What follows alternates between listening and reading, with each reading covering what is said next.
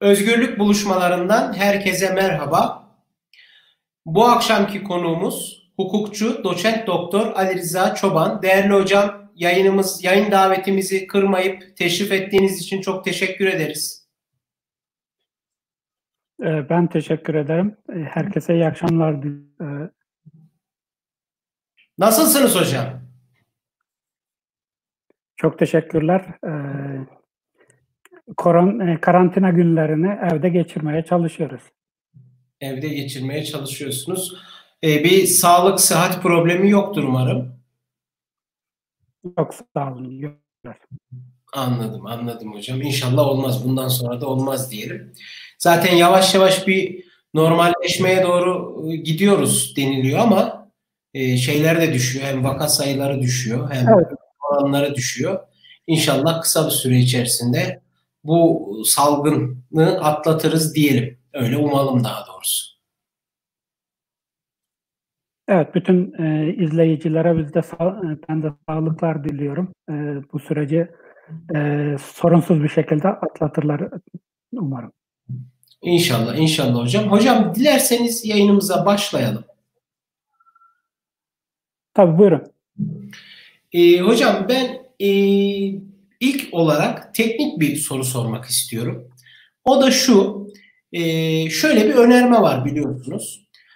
Özgür, adil bir sistemin inşasında hukukun üstünlüğü ve hukuk devletinin çok önemli olduğunun her defasında altı çiziliyor. Aynı zamanda e, son yıllarda özellikle e, bu politik ekonomi çalışan hocalarımız da ekonomik gelişmişliğin yani ekonominin refah üretebilmesi için de hukuki kurumların, hukuk devletinin ve hukukun üstünlüğünün altını kalın harflerle, kalın çizgilerle çiziyorlar, vurguluyorlar. Ben bu noktada size teorik bir soru sormak istiyorum. Hukukun üstünlüğü nedir? Hukuk devleti nedir? Hukukun üstünlüğü ile hukuk devleti aynı manalara, aynı anlamlara gelen kavramlar mıdır? Kısaca bir özetleyebilir misiniz hocam? E, tabii ki. E, aslında e, nihai olarak e, benzer amaçlar için kullanılan kavramlar bu kavramlar yani hem hukuk devleti hem hukukun üstünlüğü kavramları ama e, hukuk devleti kavramı genelde e, bizim e, hukuk sistemimizde edilen kavram hukuk devleti kavramı. Hı hı. Biz bunu e, bu kavramı Almanya'dan e, aldık. Alman Rechtsstaat e, kavramından e, Türkçe'ye tercüme edilmiş e, hukuk devleti kavramı. Ama e, İngilizce karşılığı rule of law. E, e, rule of law ka, e, karşılığı olarak genellikle hukukun üstünlüğü kavramını kullanıyoruz. E, rule of law'un ka- tam Türkçe karşılığı tabii çeşitli şekillerde ifade edilebilir. Hukukun hakimiyeti denilebilir. Hatta Dworkin'in kitabı var malum biliyorsunuz. Hukukun imparatorluğu, laws e, e, koymuş e, Dworkin kitabının adını. E, bu iki kavram arasında e, amaçları itibariyle e, aynı, benzer kavramlar. Yani e, yönetimde keyfiliğin karşıtı olarak yönetimin hukuka bağlılığını ifade etmek için kullanılıyor. Ama e, felsefi ve tarihsel olarak temel bazı farklılıklar var. Yani e, İngiliz hukuk kültürünün e, e, dayandığı e, umdeler ile e, Almanya'daki Rechtsstaat kavramının dayandığı e, teorik çerçeve biraz birbirinden farklı. O nedenle e, e, bu iki kavramın farklı şekilde kullanılmasının e, bir dayanağı olduğunu da söylememiz gerekir. Peki nedir o e, temel fark? E, şunu belirtebiliriz.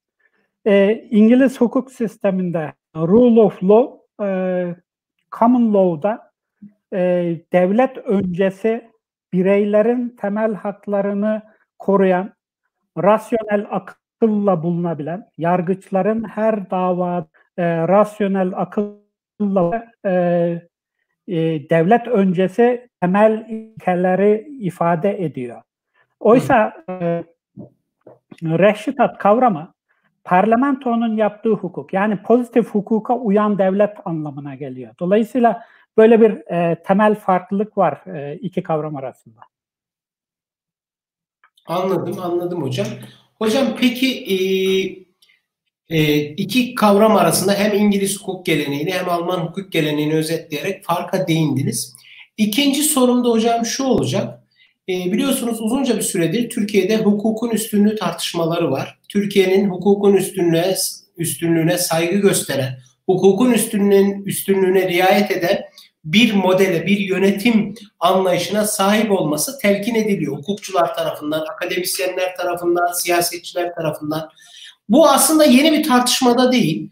Yani hukukun üstünlüğü, hukuk devleti ki anayasanın ikinci maddesinde de Türkiye Cumhuriyeti'nin bir hukuk devleti olduğu vurgulanıyor. Ama bizim bir türlü istenilen düzeyde, istenilen seviyede hukuk devleti olamamamız, hukukun üstünlüğüne riayet etmememizdeki temel yapısal faktörler, yapısal engeller sizce nelerdir? Kısaca özetleyebilir misiniz? Evet, tabii ki. Ee, hukuk devleti kavramı bizim e, geleneğimiz için aslında yeni bir kavram sayılır. E, rule of law kavramı İngiltere'de eski olmasına rağmen e, yani Magna Carta'dan itibaren 1215'den itibaren rule of law kavramı kullanılmasına rağmen e, hukuk devleti kavramı Türkiye'de 1930'lardan sonra e, litererilmiş bir kavram. İlk defa e, Sıddık Sami Onar'ın 1938 yılında yazdığı idare hukukunun umumi esaslarında kullandığı bir kavram. Ama e, daha tartışmaya başladığımız dönem 1950'den sonra. Özellikle 1950'nin ikinci yarısında ve bu kavramı daha fazla kullanmaya başladık. E, hem siyasi literatürde hem hukuk literatüründe hukuk devleti kavramı 1950'lerin e, ikinci yarısında daha fazla başvurulan bir kavram. Hı hı. E, Danıştay'ın bazı kararlarında 50'li yıllarda e, e, hukuk devleti kavramı kullandığını görüyoruz. E, 1957'de Cumhuriyet Halk Partisi'nin ve e, Hürriyet Partisi'nin e, programlarına giriyor. Tabii ki e, bu kavramın e, tartışmalara girmesinin temel nedeni şu. Çoğunluğun e, yönetimine karşı, çoğunluğun e, Demokrat e, Parti'nin e, çoğunluk e, e, iktidarına karşı e, birey haklarını korumak için e, sığınılan bir kavram ve temel olarak e, üç e, husus e, üzerinde vurgu yapılıyor. İdarenin bağlılığı, e, idarenin yargısal denetimi ve yargı bağımsızlığı. Temel olarak da e, yürütme karşısında yargıya sığınma e, aracı olarak görülüyor hukuk devleti kavramı. Tabii ki e, 1961 Anayasası'nda e, devletin temel niteliği olarak hukuk devleti kavramı var. Aynı, aynı şekilde bir anayasasında da var. Şimdi e, belki e, Türkiye'de hukuk devleti niçin yapısal olarak başarılı olamıyor sorusundan önce hukuk devleti nedir? Hukuk devletinden aslında ne anlıyoruz? Hangi unsurları barındırır e, e, sorusuna cevap vermek gerekiyor. E, şimdi e, tabii ki hukuk devletinin tanımına ilişkin çok e, tartışmalar var. E, e, biraz önce sözüne ettiğim işte Alman ve İngiliz geleneklerindeki fark farktan da e, kaynaklanan teorik tartışmalar var. Fransa'da başka bir seyri var kavramın tabii ki. Dolayısıyla her ülkenin, her kültürken e, kendi tarihsel background'una, e, toplumsal e, ve siyasal yapısına göre kavram çeşitli anlamlara geliyor. Ama artık bugün geldiğimiz noktada kavramın bir takım temel unsurları var. Venedik Komisyonu'nun 2010 yılında hazırladığı bir rapor var. O raporda e, hukuk devleti kavramının yani rule of law kavramının altı temel unsurundan e, söz ediliyor. Bunlardan birincisi hukukilik. Yani idarenin işlemlerinde hukuka dayanması, hukuka uyması. Yürü, temel olarak yürütmenin hukuka uyması. Bu hukuka e, parlamentonun e, demokratik süreçleriyle kabul ettiği bir hukuk olması. Bu e, pozitivist e, boyutu hukuk devleti ilkesinin. İkinci boyutu var. Hukuki belirlilik. Yani evet pozitif diyeceğiz ama bu pozitif hukukun belli yapısal niteliklere sahip olması lazım. Nedir o yapısal nitelikler? Öngörülebilir olacak. Herkes tarafından erişilebilir olacak.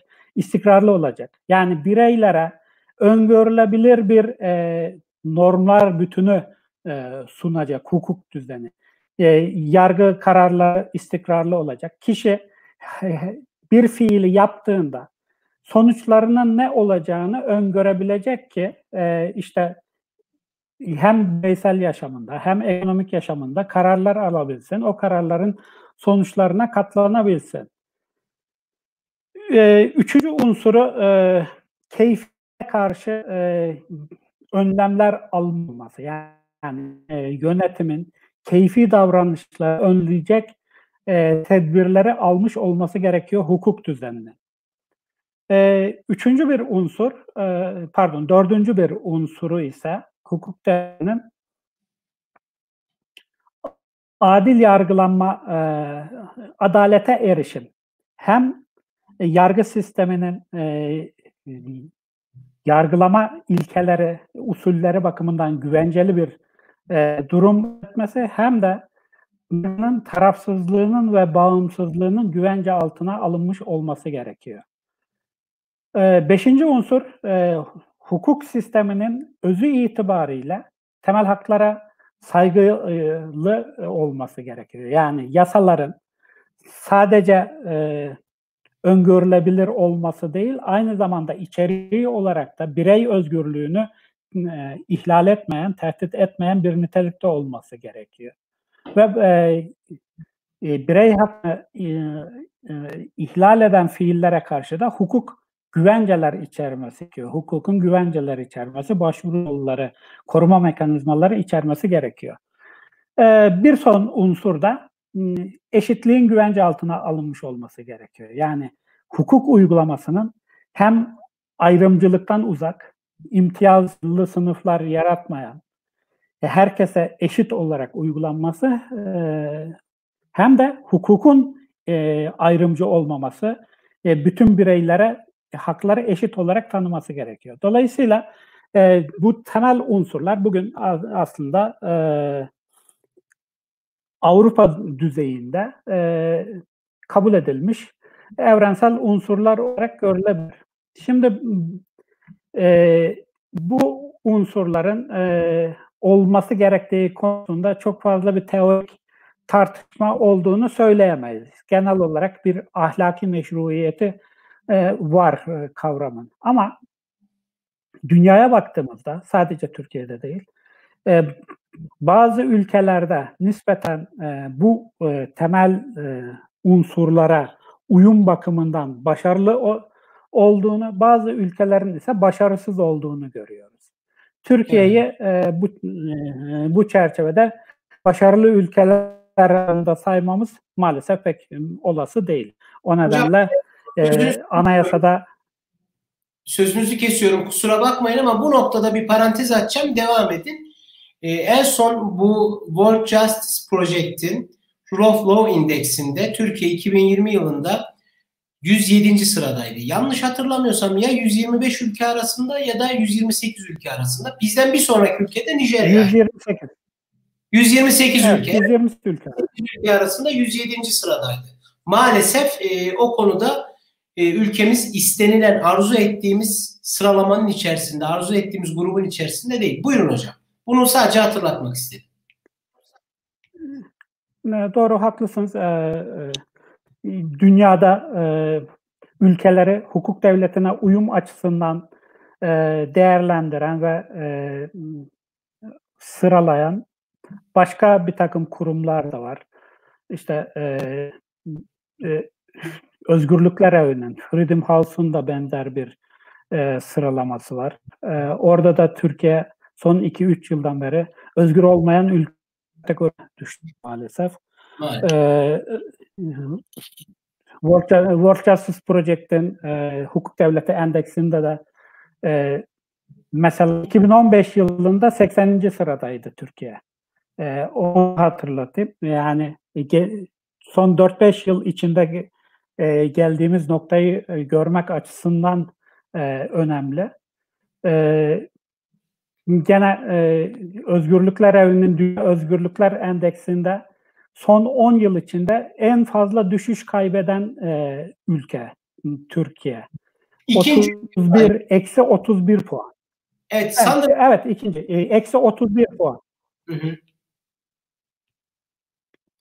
E, dolayısıyla e, şimdi e, bu yarısızlığı etkileyen e, temel yapısal sorunlar neler? Belki bunların üzerinde durmamızda fayda var. E, şimdi ulus devlet e, kavra e, 17. yüzyılda Avrupa'da geliştiğinde bir takım temel e, yapısal dönüşümlerle birlikte e, geldi. E, ekonomik ülkelerin ekonomik yapıları değişti. E, dünya uluslararası ticarete dayalı olarak bir e, zengin olan burjuva sınıfı doğdu ve o sınıf e, siyasal sistem içinde e, haklarını e, koruyabilmek için taleplerde bulundu ve e, liberal demokrasi ve bu çerçevede işte sınırlı devlet ilkesi ve hukuk devleti ilkesi de e, bir anlamda bu e, sosyal ve siyasal dönüşümün sonucu olarak ortaya çıktı. Bu e, birey e, bireylerin ön planda olduğu bir toplum yapısını öngörüyor. Yani kişiler e, birey olarak siyasal sistem içinde var oldukları ülkelerde e, bu kavramların e, gelişmesi e, nispeten daha başarılı oluyor. E, Türkiye ile ilgili temel e, sorunlardan bir tanesi e, maalesef e, e, birey olman bakımından Türk toplumunun e, o dönüşümlere e, hızlı bir şekilde geçir, geçirmemiş olması. Hala bizde kimlikler üzerinden kabile e, mantığı ile e, davranan bir toplumsal ki bu tek başına belirleyici değil ama pek çok bakımdan çok e, etkileyen bir unsur. O da Hı. nedir? E, biz e, e, aidiyetler, toplum toplumsal güçler e, içindeki aidiyetler e, önemli hale geliyor ve siyasal sistem bireylerin haklarını korumaktan ziyade belli aidiyetlerin siyasal sisteme hakim olup onun üzerinden e, o aidiyete ait e, çıkarların koruma e, hizmet ediyor. E, böyle olunca da e, biraz önce saydığımız unsurlar, hukuk devletinin unsurlarını hayata geçirmek oldukça zorlaşıyor. Nedir? Mesela yargının tarafsız ve bağımsız olması gerekiyor. Yargının tarafsız ve bağımsız olması hukukun herkese eşit olarak uygulanmasının e, olmaz olmaz bir koşulu. E, onun için de e, yargı organlarının çoğulcu, hiç kimsenin, hiçbir aidiyetin e, lehine hareket edemeyecek e, bir yapıda olması gerekiyor. Ama bizim siyasal partilerimiz, toplumsal gruplarımız e, herkesin çıkarına olacak bir yargı düzeni istemiyor. Kendi grubunun çıkarlarına hizmet edecek bir yargı yapısı istiyor. Öyle olunca da e, kim iktidarı ele geçirirse yargıya müdahale ediyor, yargının e, kadrosuna müdahale ediyor, yapılanmasına müdahale ediyor, karar alma süreçlerine müdahale ediyor ve e, yargı bir grubun ne olacak şekilde davranmaya başlıyor. Bu Türkiye'nin e, maalesef e, makus e, talihi diyebiliriz geçmişten bugüne. E, dolayısıyla e, bizim bu e, sosyal yapımızın farkında olarak e, bu e, tarafgir e, kurumların oluşmasını, tarafgir süreçlerin oluşmasını engelleyecek kurumsal çerçeveler kurmamız lazım. Maalesef o kurumsal çerçeveleri kurmakta e, çok başarılı olduğumuzu söyleyemeyiz. Anladım hocam. Çok teşekkür ederim. Hocam buraya kadar olan bölümde hukuk devleti kavramının tanımını yaptınız. Hukukun üstünlüğü ile hukuk devleti kavramlarının kavramları arasındaki nüansı vurguladınız ve bizde maalesef hukukun üstünlüğünün istenilen seviyede olmamasının daha doğrusu bu kültürün yerleşememesinin deki temel faktörleri de açıkladınız. Bu teorik kısımdı programın. Şimdi bu bir kenarda dursun. Ben bir de güncel meselelerle alakalı yine hukuk kavramıyla, hukukilik, hukuk devleti kavramıyla bağlantılı birkaç soru soracağım. Onlardan bir tanesi de şu hocam. Bildiğiniz gibi olağanüstü bir dönemden geçiyoruz. Ee, ve bu olağanüstü dönemden geçtiğimiz şu günlerde e, temel hak ve özgürlükler tırnak içerisinde söylüyorum kamu sağlığı adına sınırlandırıldı. Bu bir mecburiyetti. İnsanlar bunu da anlayışla son derece ağır başlılıkla makul bir şekilde karşıladı. Makul buldular diye. Bu noktada ben şunu sormak istiyorum. Çünkü bir görüş var. Şöyle bir görüş var. O da şu. Temel hak ve özgürlükleri yasal dayanağı olmadan genelgeler vasıtasıyla kısıtlanmasının hukuki olmadığını öne süren görüşler var. Hukukçuların bir kısmı böyle düşünüyor. Sizin bu konudaki değerlendirmeniz nelerdir? Genelgeler yoluyla bireylerin temel hak ve özgürlükleri kısıtlanabilir mi? E, hukuk devletinin temel unsurlarından birisinin hukukilik olduğunu söylemiştik. Yani e, yönetimin aldığı bütün kararların hukuka uygun olması, e, anayasaya e, uygun olması hukuk devletinin e, birinci unsuru. E, bu niçin önemli? E, keyfi kavra, e, kararların alınmasını önlemek açısından ve e, e, hak ve özgürlükleri ihlal edilen kişilerin haklarını arayabilmesi açısından oldukça önemli. O, o nedenle e, evet bir salgın hastalık var. E, şu anda bir salgın hastalıkla mücadele ediyoruz. Bunun hukuki çerçevesi nedir? İlk önce pozitif hukukumuzda durum nedir ona bakmamız lazım. E, el, elbette e, salgın hastalık e, bireylerin yaşamını tehdit ettiğine göre buna e, buna ilişkin olarak tedbirlere gerekiyor. E, bu aynı zamanda devletin bir ödevi, bireylerin yaşam hakkını koruma ödevi ödevinin gereği. Ama bunu yaparken tabii ki hukuka uygun davranmamız lazım. Şimdi e, bu hastalığın yayılmasını önlemek e, için bir takım tedbirler alıyoruz. İşte sokağa çıkma yasakları e, uyguluyoruz iş yerlerine kapatıyoruz. E, belli kamu kurumlarının çalışmasını e, e, durduruyoruz. İbadethaneleri kapatıyoruz. E, seyahat yasakları getiriyoruz. Bunların her birisi bireylerin temel hak ve özgürlüklerine müdahale teşkil ediyor.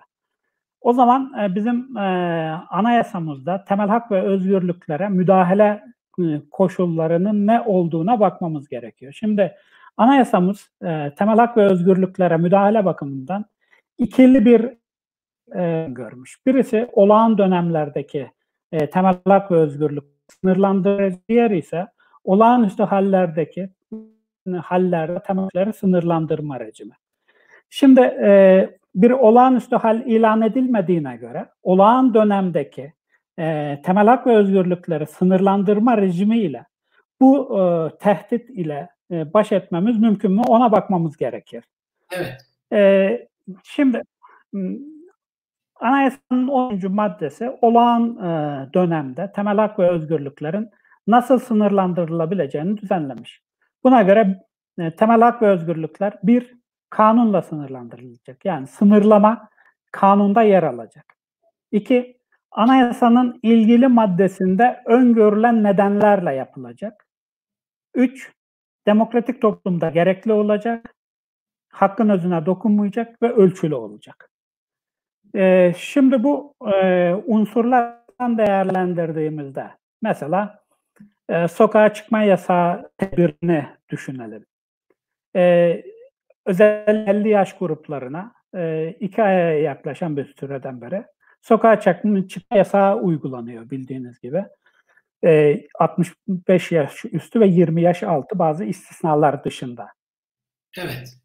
E, bu insanların e, sokağa çıkmasının engellemesi demek ilk başta özgürlük ve güvenlik hak e, hakkına ciddi bir sınırlandırma demek. Çünkü kişi ev, evinden çıkmasını yasaklıyor iseniz bu özgürlük güvenlik hakkına bir müdahale demektir. Şimdi bu hakta anayasanın 19. maddesinde düzenlenmiş. 19. madde e, hastalıkla ilgili olarak bir sınırlama e, durumu öngörüyor. O da başkasına e, hastalığı bulaştırabilecek olan kişilere e, belli yerde tedavisini sağlamak ve güvenlik hakkının e, kısıtlanabileceğini söylüyor anayasanın 19. maddesi. Ama bir genel önlem olarak yani hasta olmayan e, dolayısıyla salt hastalık yayılmasın, salgın e, yayılmasın diye hasta olmayan kişileri eve kapatmaya olanak tanıyor. E, e peki kanunlarımızda var mı e, buna ilişkin? Yani anayasada olmasa da kanunlarda buna yetki veren veren hüküm var mı?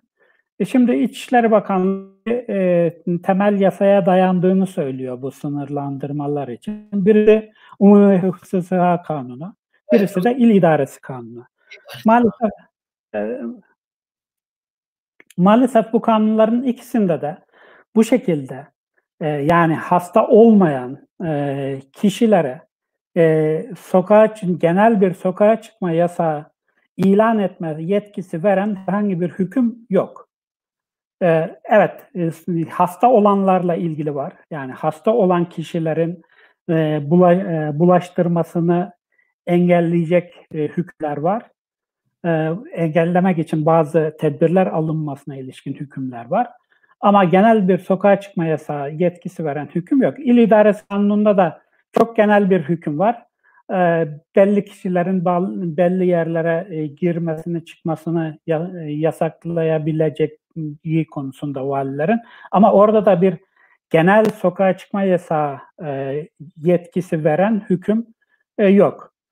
E, dolayısıyla e, bu e, hukuki çerçevenin yani bir hukuk devletinde alınan tedbirlerin hukuka uygun olması gerekir. E, olağanüstü hal, o zaman e, olağanüstü hal e, ilan edilmesi mümkün mü bu nedenle ve olağanüstü halde bu tedbirler alınabilir mi? Oraya bakmamız gerekebilir. E, anayasanın 119. maddesi salgın hastalığı e, olağanüstü hal nedenlerinden birisi olarak düzenliyor. Dolayısıyla salgın hastalık nedeniyle bir virgül koyabilir misiniz? Burada araya gireceğim.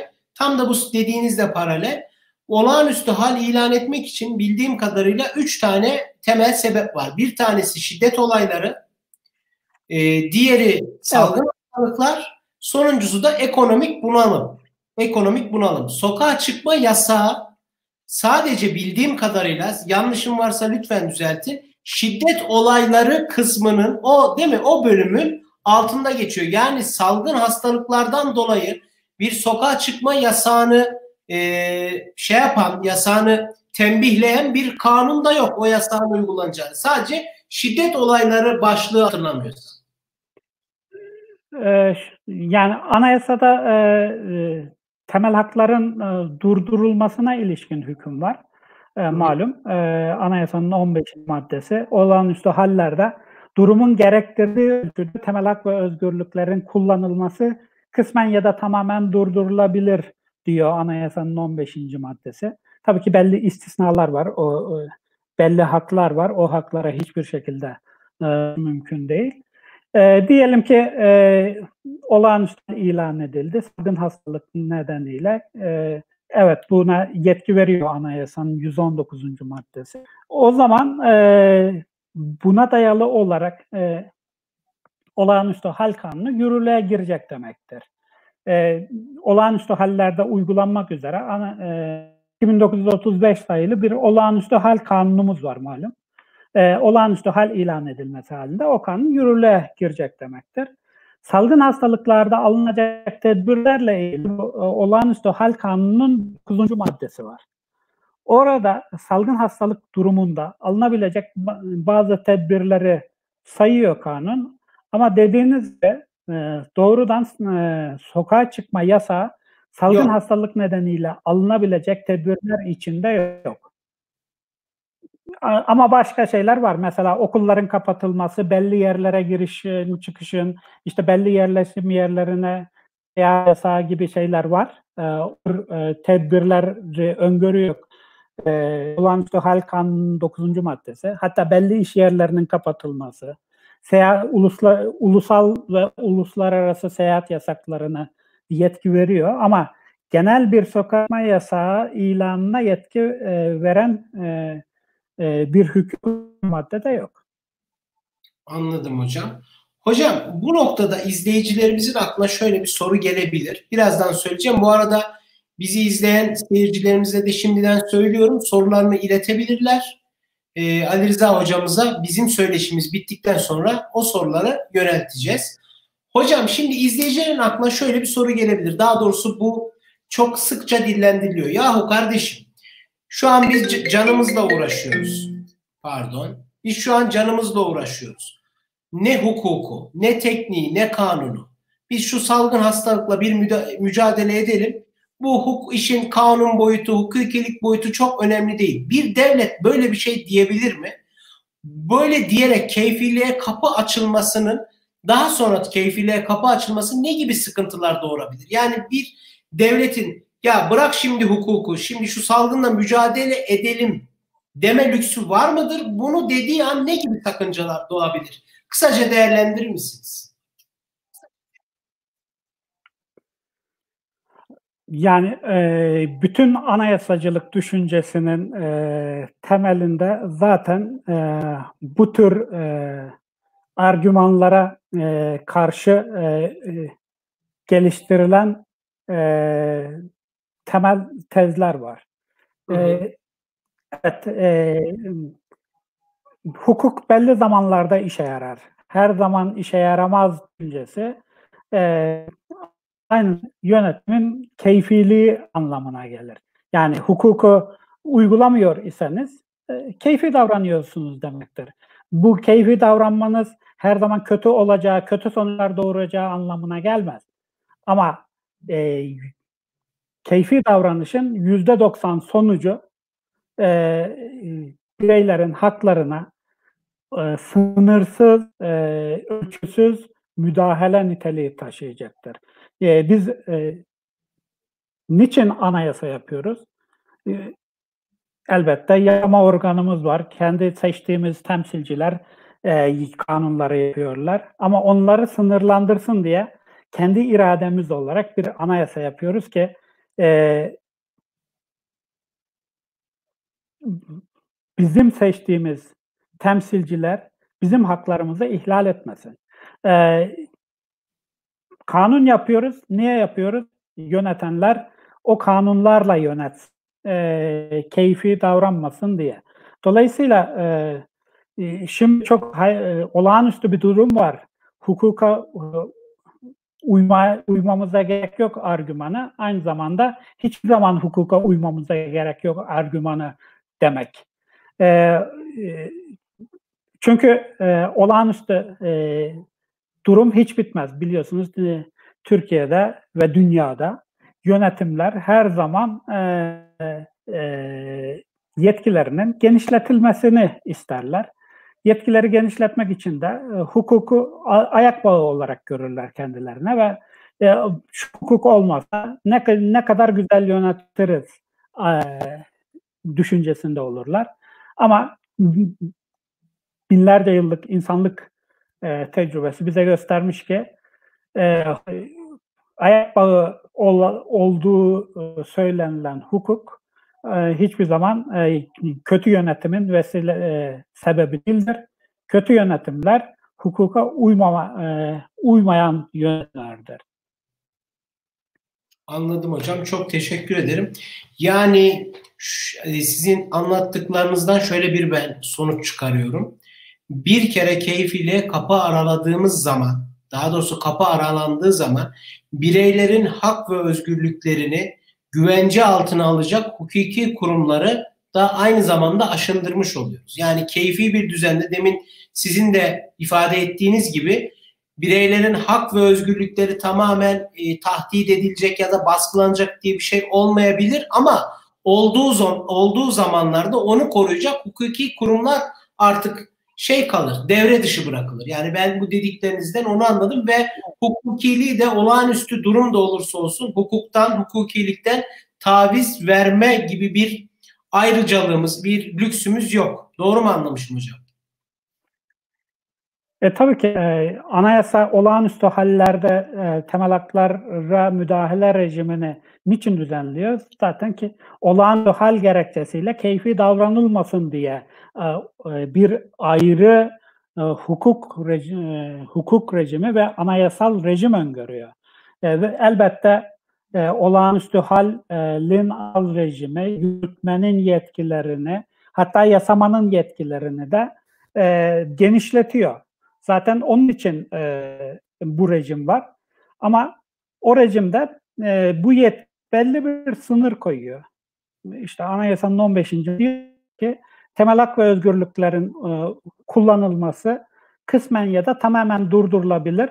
E, durumun ölçüde ve uluslararası hukuktan kaynaklanan yük, yükümlülükler ihlal edilmemek kaydıyla.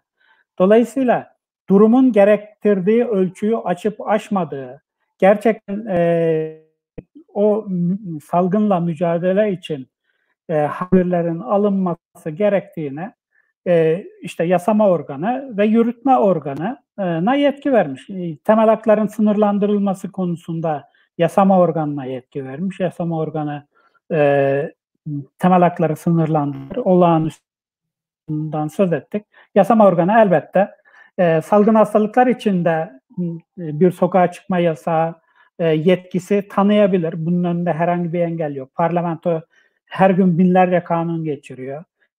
Yanıp günde böyle bir e, yasal değişiklik yapmasının önünde de engel yok. Ama böyle bir kanun çıktığında e, bize şunu sağlar. Öngörülebilirlik sağlar. Bireyler hangi e, durum, hangi yaptırımlar karşılaşacaklarını bilirler. İkincisi ölçüsüz bir e, tedbir alınmış ise buna karşı kendi e, haklarını koruyabilme mercilerine başvurabilirler. Elbette bir tedbir e,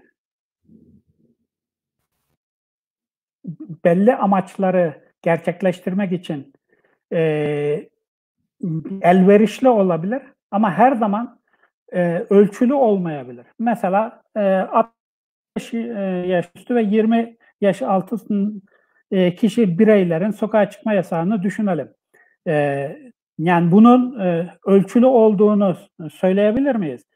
E, diğer yaş grupları çıkarken, bilirken belli e, koşullara uymak şartıyla işte maske takmak, sosyal mesafe kurallarına uymak şartıyla e, sokağa e, belli durumlarda, belli e, koşullarda sokağa çıkabilirken bu yaş gruplarının çıkma çıkamamasının e, rasyonel bir nedeni var mı?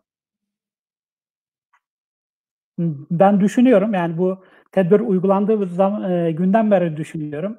Rasyonel bir nedenini göremiyorum doğrusu. Anladım hocam. Belki Onların yani risk grubu 65 yaş üstü risk grubu ama 20 yaş altı da e, sanırım pandemiden çok etkilenmediği etkilenmiyorlar. Bünyeleri daha sağlam ve diğer insanlara bulaştırabilirler. Böyle bir şey mi düşünüldü? Açıkçası ben de şu an bir akıl yürütüyorum ama benim de çok bir bilgim yok 20 yaş altı için. Evet e, yani e, nihai olarak söylemek istediğimiz şu hukuk e, bizi keyfiliğe karşı korur. E, o nedenle e, bütün e, faaliyetleri e, yetkilerimizi hukuk içinde kullan, kullandığımızda e, keyfiliğe karşı da kendi haklarımızı güvence altına almış, e, kendi haklarımızı kurmuş oluruz. Anladım hocam. Hocam e, yavaş yavaş sizle olan söyleşimizin sonuna geliyoruz. Birazdan izleyici sorularımızı aktaracağım. Şöyle bir soru sorayım.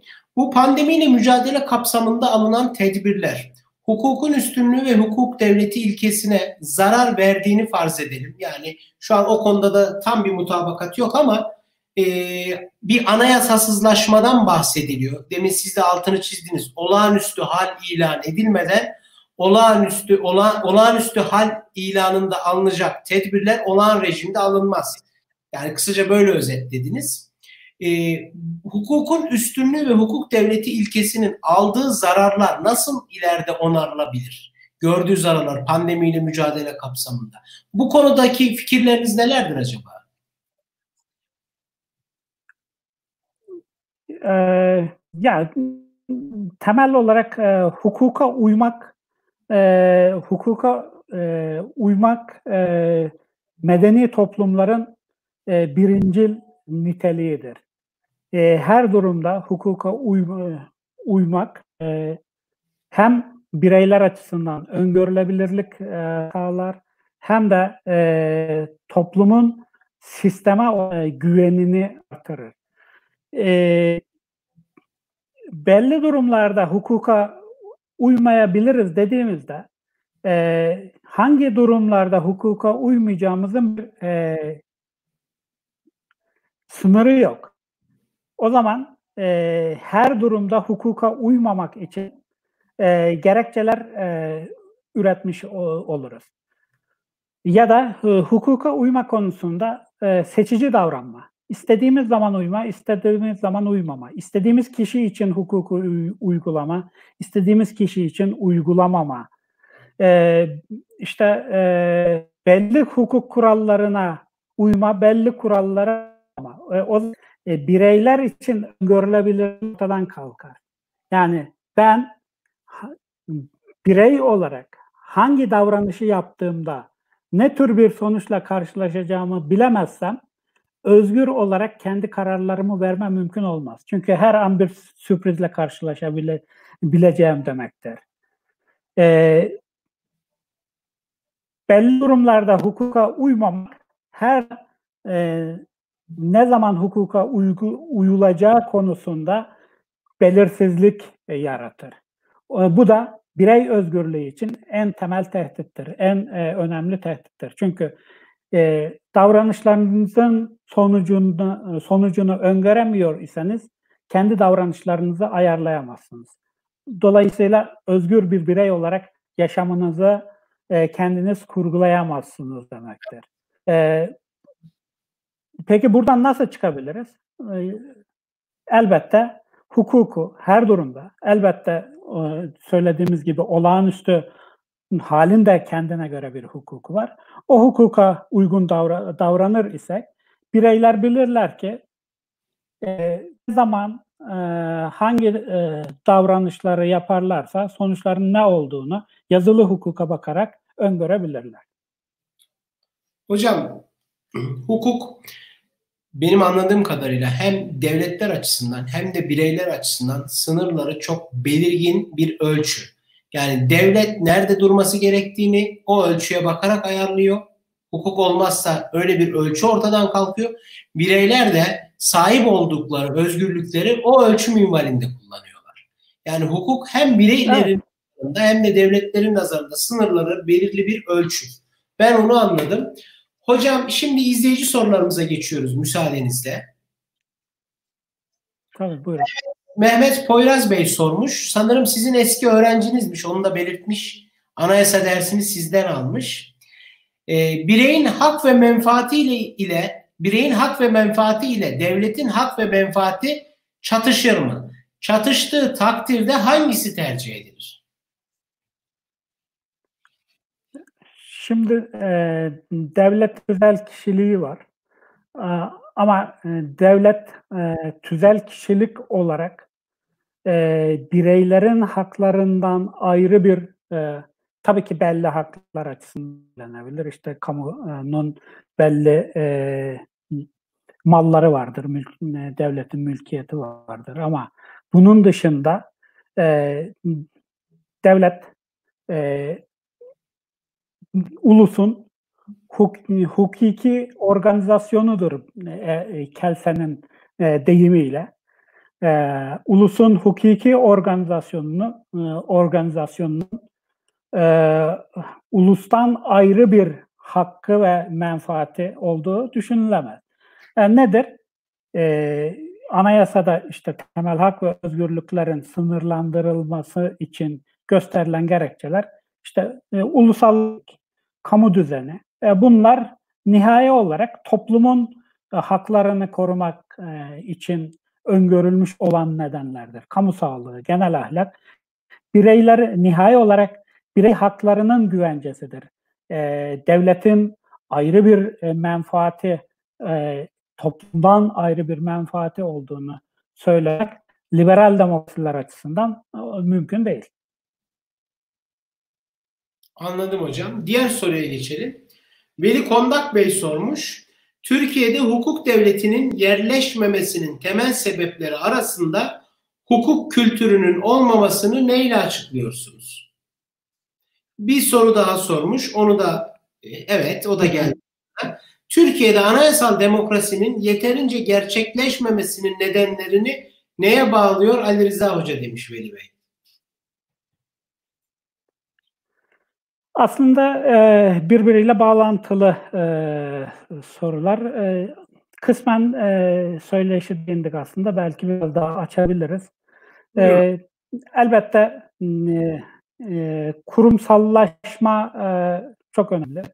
E, yeterince kurumsallaşamamış e, olmamız e, bu e, anomalilerin ortaya çıkmasının temel nedeninden birisi. Ama o kurumsallaşmamayı da e, e, grup çıkarlarının e, ulusun ortak çıkarına, çıkarından öncelikli tutulmasını ben temel e, neden olarak görüyorum. Yani hukuk kültürünün gelişmemesinde de e, bunu gündelik hayatımızdan e, belli örneklerle verebiliriz.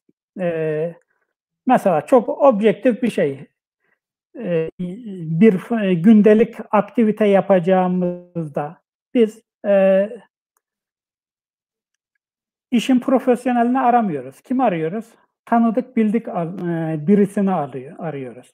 Mesela çok profesyonel bir iş yaptıracağız. Bir hastalığımız için doktora muayene olmaya gideceğiz. En uzman kişiyi sormak yerine genellikle ne yapıyoruz? Ya tanıdık bildik birisi var mı? Niye böyle yapıyoruz? E, çünkü bizim zihnimizde şöyle bir şey var. E, yabancı olana e, eşit davran, e, davranılmaz. Eşit davranmayı güvence altına alabilmek için, imtiyazlı davranmayı güvence altına alabilmek için bizim bir e, bildiklik, tanıdıklık e, araya sokmamız e, gerekir. Bu aslında hukuk e, hukukun güncel yaşamımızda e, ne kadar e, dışlandığının e, somut göstergelerinden birisi. Yani e, biz bütün kişileri, grupları e, ahlaki e, varlık olarak ve hak süjesi olarak eşit kabul eder isek o zaman e, herkesin aynı durumda aynı haklardan yararlan yararlanmasının e, gerektiğini dolayısıyla hukuk devletinin temel unsurlarından birisi olan hukuk önünde eşitliği e, sağlayabiliriz. Ama buna ilişkin bizim bir inancımız yok. Yani e, her eşit e, haklardan yararlanması gerektiği konusunda bir inancımız yok. O inancı e, nasıl oluşturabiliriz? E, kendimizden olmadığını düşündüğümüz yani e, bizim e, kültürel hayatımızda kimliklerin çok önemli olduğunu söylemiştik. Siyasal örgütlenmelerimiz de kimlikler üzerine dayalı. E, Evet, kimsenin kimliğini inkar e, etmesini isteyebilecek halimiz yok. Herkes kendi kimliğini nasıl çıkacak. Ama e, temel mesele şu.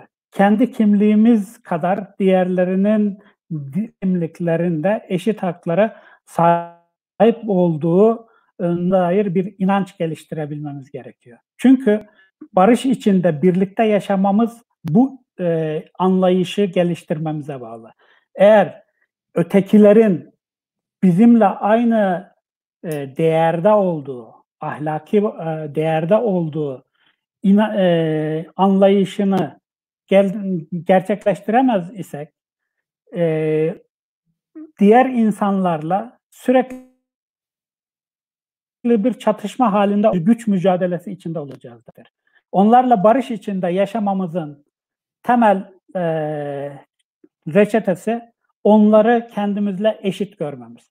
Hak, herkesin haklardan eşit olarak yararlanması gerektiği konusunda bir inan bu inancı geliştirebilirsek hukuka uyma kültürümüzü de önemli ölçüde gelişebilir. Ee, belki e, aslında başlığı atarken hayal mi diye bir e, şey koymuştuk. O e, işte hukuk devleti Türkiye'de hayal mi e, endişesi biraz da bu e, kültürü değiştirmenin zorluğuna işaret ediyor. Yani kolay bir şeyden söz etmiyoruz. Çok zor bir şeyden söz ediyoruz. Ama başka çaremiz yok. Çünkü e, farklı kimlikler var. Yeni farklı kimlikler her e, gün türüyor toplumda. E, farklılıkları ortadan kaldırıp bütün bireyleri aynılaştırmak mümkün olmadığına göre farklılıkları kabul etmemiz kaçınılmaz. O zaman da farklıların eşitliğini kabul etmemiz kaçınılmaz barış içinde yaşayabilmemiz için. Hocam e, biz de e, sorulara geçeceğiz ama bu söylediklerinizden sonra aklıma şöyle bir şey geldi. Şimdi devlet denilen kavram bizde daha çok siyasi bir düzenleme olarak bizim dimalarımıza yerleşmiş. Ama aynı zamanda devletin hukuku daha doğrusu adaleti esas alan hukuki bir düzen olduğu biraz e, siyasi bir düzenleme olduğundan geride kalmış. Yani devlet denilince hep aklımıza o siyasi düzenleme, siyasi örgütlenme biçimi geliyor. Maalesef adaleti esas alan hukuki bir düzen. O vasıf bilmiyorum yanlış mı değerlendiriyorum ama çok hafızamızda yer etmiyor. Yani diğeri kadar daha belirgin değil.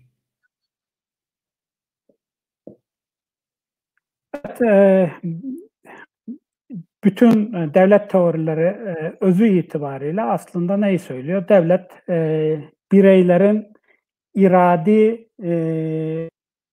tercihlerinin sonucu olan suni bir varlıktır. Doğal bir varlık değildir. Yani bireyler bir arada barış içinde yaşamak için bir organizasyon oluş, oluşturma ihtiyacı hissettiler ve bu organ hukuk üzerine inşa ettiler e, ve böylece devlet denilen yapı ortaya çıktı e, e, diyorlar. Bütün devlet felsefesi, e, devlet teorisi aslında e, bu, bu düşüncenin çeşitli versiyonlarından ibaret. Ama bizim dimağımızda dediğiniz gibi e, devletin böyle e, bireylerin tercihleriyle oluşmuş, bireylerin tercihlerine bağlı bir e, siyasi yapı ve hukuki birlik olduğu fikri pek yok.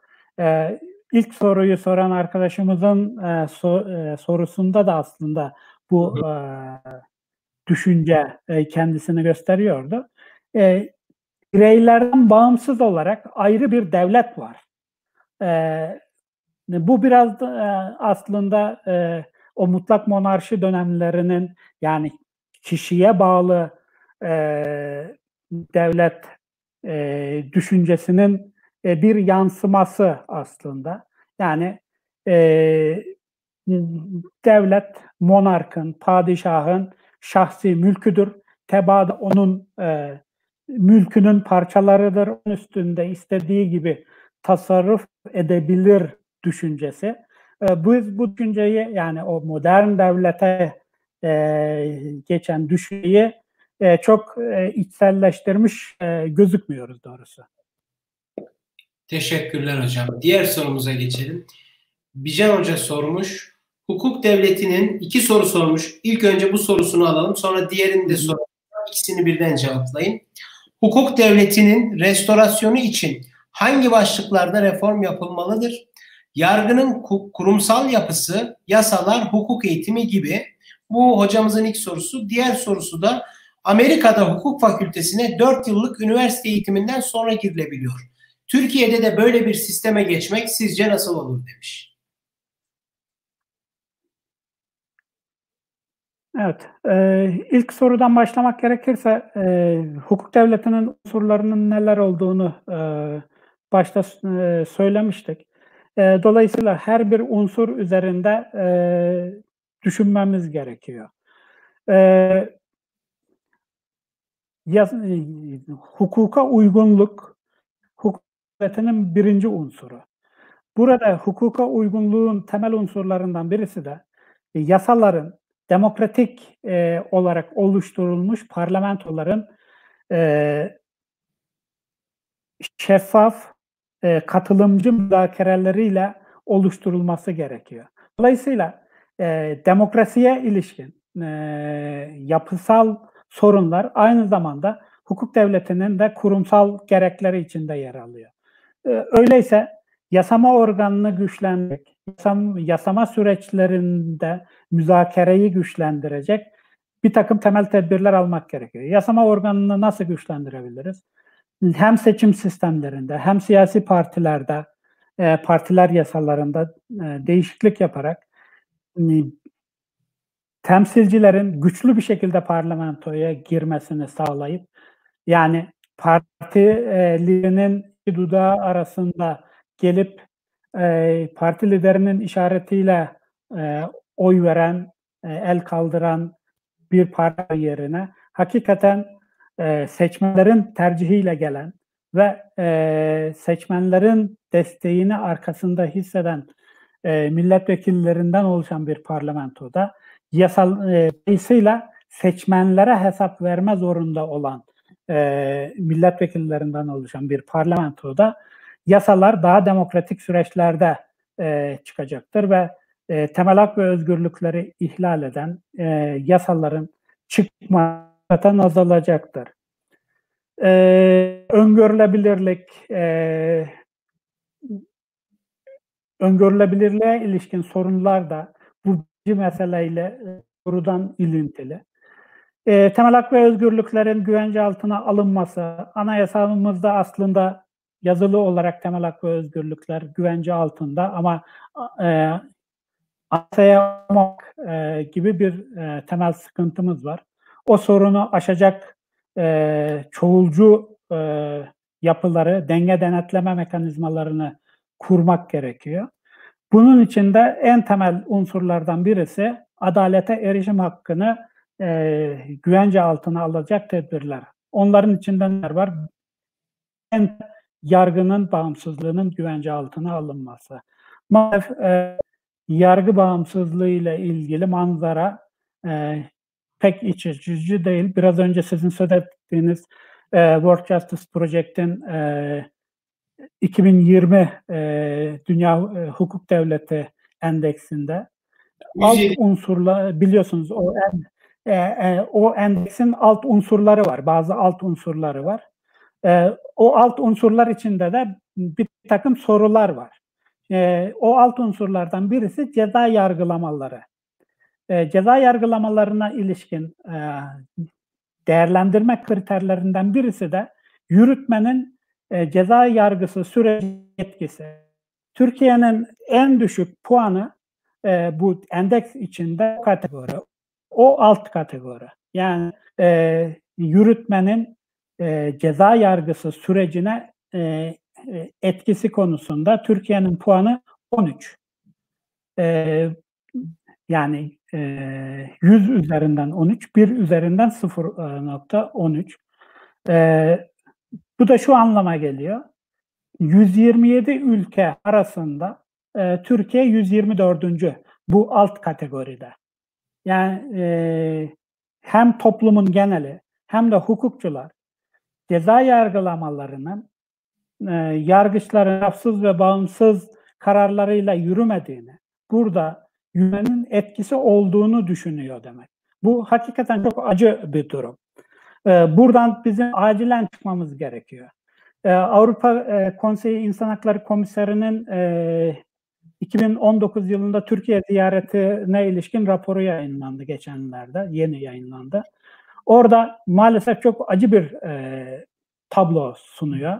E, rapor e, oldukça uzun ama çok e, ufuk açıcı. Şöyle bir şey var. Türk yargısı e, hukukun evrensel ilkeleri olan e, suçların ve cezaların şahsiliği, suç ve cezaların geçmişe yürümezliği, muasmiyet karinesi gibi hukukun evrensel prensiplerine uyma konusunda ciddi e, eksiklikler taşıdığı gözlemlenmektedir e, diyor e, komiser. E, bundan daha acı bir şey olamaz bir hukuk sistemi için. Acı bir değerlendirme olamaz. O zaman bizim buradan acilen çıkmamız e, gerekiyor. Onun için de yargının bağımsızlığını güvence altına alacak e, baştan e, bir e, reforma ciddi anlamda ihtiyacımız var. Bunun için de çoğulculuğu güvence altına al, almamız gerekiyor. Yani bir grubun hangi grup olursa olsun hiçbir grubun yargıyı tek başına kontrol edememesi, e, çoğulculuğun e, güvence altına alınması, ayrıca da e, temel ölçütün e, liyakat olması. Yani e, kişilerin yargı görevini yapmaya hem bilgisel olarak hem e, kişisel e, nitelikleri olarak yargı görevini yapmaya uygun e, kişilerin yargı makamlarına getirilmesi gerekiyor. En temel bence sorun, sorun yargı meselesi. Yargı meselesinin mutlaka çözülmesi gerekiyor. Bunun için de temel anayasal kurumsal tedbirlerin alınması gerekiyor. İşte en başta 2017'de olan değişikliği e, tekrar düşünmemiz gerekiyor. E, 2017'de anayasa değişikliğiyle HSK'nın yapısı yeni baştan tekrar değiştirildi ve e, aslında tek başına yürütmenin bütün yargının yönetimini belirlemesine olanak tanıyan bir düzenleme getirildi. Burada bunun e, acilen e, yeniden ele alınması gerekiyor. E, evet, hukuk eğitiminin kalitesi elbette önemli. E, Türkiye'de hukuk konusunda ciddi sıkıntılar var. E, fakülte sayıları giderek artıyor. E, ama nitelikli e, hoca ve öğrenci e, yeterli derecede yok. O nedenle hukuk eğitiminin niteliğinin artırılması gerekiyor. E, hukuk eğitimi için e, Amerika'daki gibi lisans sonrası bir e, eğitim düşünülebilir mi? E, bence üzerinde e, ciddi olarak durulması gereken bir yeri olduğunu düşünüyorum ben. Çünkü e, hukuk sonuçta toplumsal sorunları e, sorunlara çözüm bulmak e, için e, var olan bir e, kurum. E, belli konularda toplu, e, toplumsal e, sorunlar konusunda eğitimi e, olan kişiler eğer hukuk eğitimi alırlarsa çok daha e, nitelikli olarak yetişmeleri elbette mümkün olabilir. O nedenle üzerinde düşünülmesi e, gerektiğini e, söyleyebiliriz. Hocam çok teşekkürler. Son sorumuzu alıyoruz. İsmail Bey sormuş. Türkiye'de hukuk devleti hayalini gerçekleştirmek adına sade vatandaşlara düşen görev ya da görevler sizce nelerdir demiş hocam.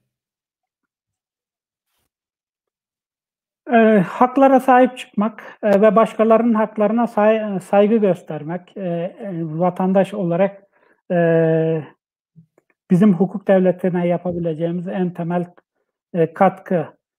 E, bizim e, kültürümüzde şöyle bir e, deyiş vardır. İş bitirmek, iş bitirici olmak. Bu çok e, e, tehlikeli bir kavram. İş bitirmek demek, başkalarının haklarına saygı göstermeksizin kendi çıkarını önceleyerek e, bir takım e, işler e, öne geçmek demek. Bu başkalarının hakkı, haklarına saygı göstermemeyi, e, usullere, hukuka uymamayı e, özendiren bir kavram. Biz işbirci olmak e, olmakla toplum olarak.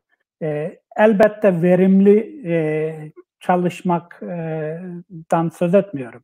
E, kavramın ima ettiği anlamdan yani ne yap et önce e, kendi işini hal anlayışından bizim kurtulmamız lazım. Çünkü bu hukuka uymamayı, başkalarının haklarına riayet etmemeyi, usulleri bir şekilde e, e, ihlal ederek e, sonuç elde etmeyi meşrulaştıran bir kavram. Bizim bireyler olarak bu anlayışla ciddi anlamda mücadele e, hocam özellikle merkez sağ siyaset jargonunda bu iş bitiricilik çok önemli bir yer tutar.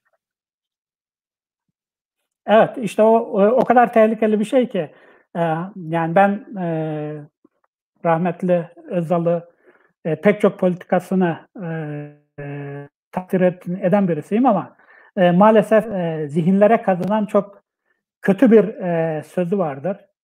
Demişti ki benim vatandaşım işini bilir. Bu e, o kadar tehlikeli, o kadar e, hukuk anlayışına zarar veren e, bir anla, e, anlayış ve yaklaşım ki e, bu hukuka uymamayı, hukuk dışı davranmayı meşrulaştıran, hatta teşvik eden bir anlayış. Bizim bu anlayışlardan kesinlikle kurtulmamız gerekiyor. Anladım hocam. Hocam e, burada söyleşimizin sonuna geldik. Yayınımıza katıldığınız için çok teşekkür ederim. Sağ olun. Davetiniz için ben teşekkür ederim. İzleyicilere iyi akşamlar diliyorum. İyi akşamlar hocam. Ben de izleyicilerimize yayınımızı takip ettikleri için çok teşekkür ediyorum. Yayınlarımız devam edecek. Ee, programlarımızdan haberdar olmak için özgürlük araştırmalarının sosyal medyadaki Twitter, YouTube ve Instagram ve Facebook hesaplarını takip ederlerse memnun oluruz diyorum. İyi akşamlar hocam. İyi akşamlar.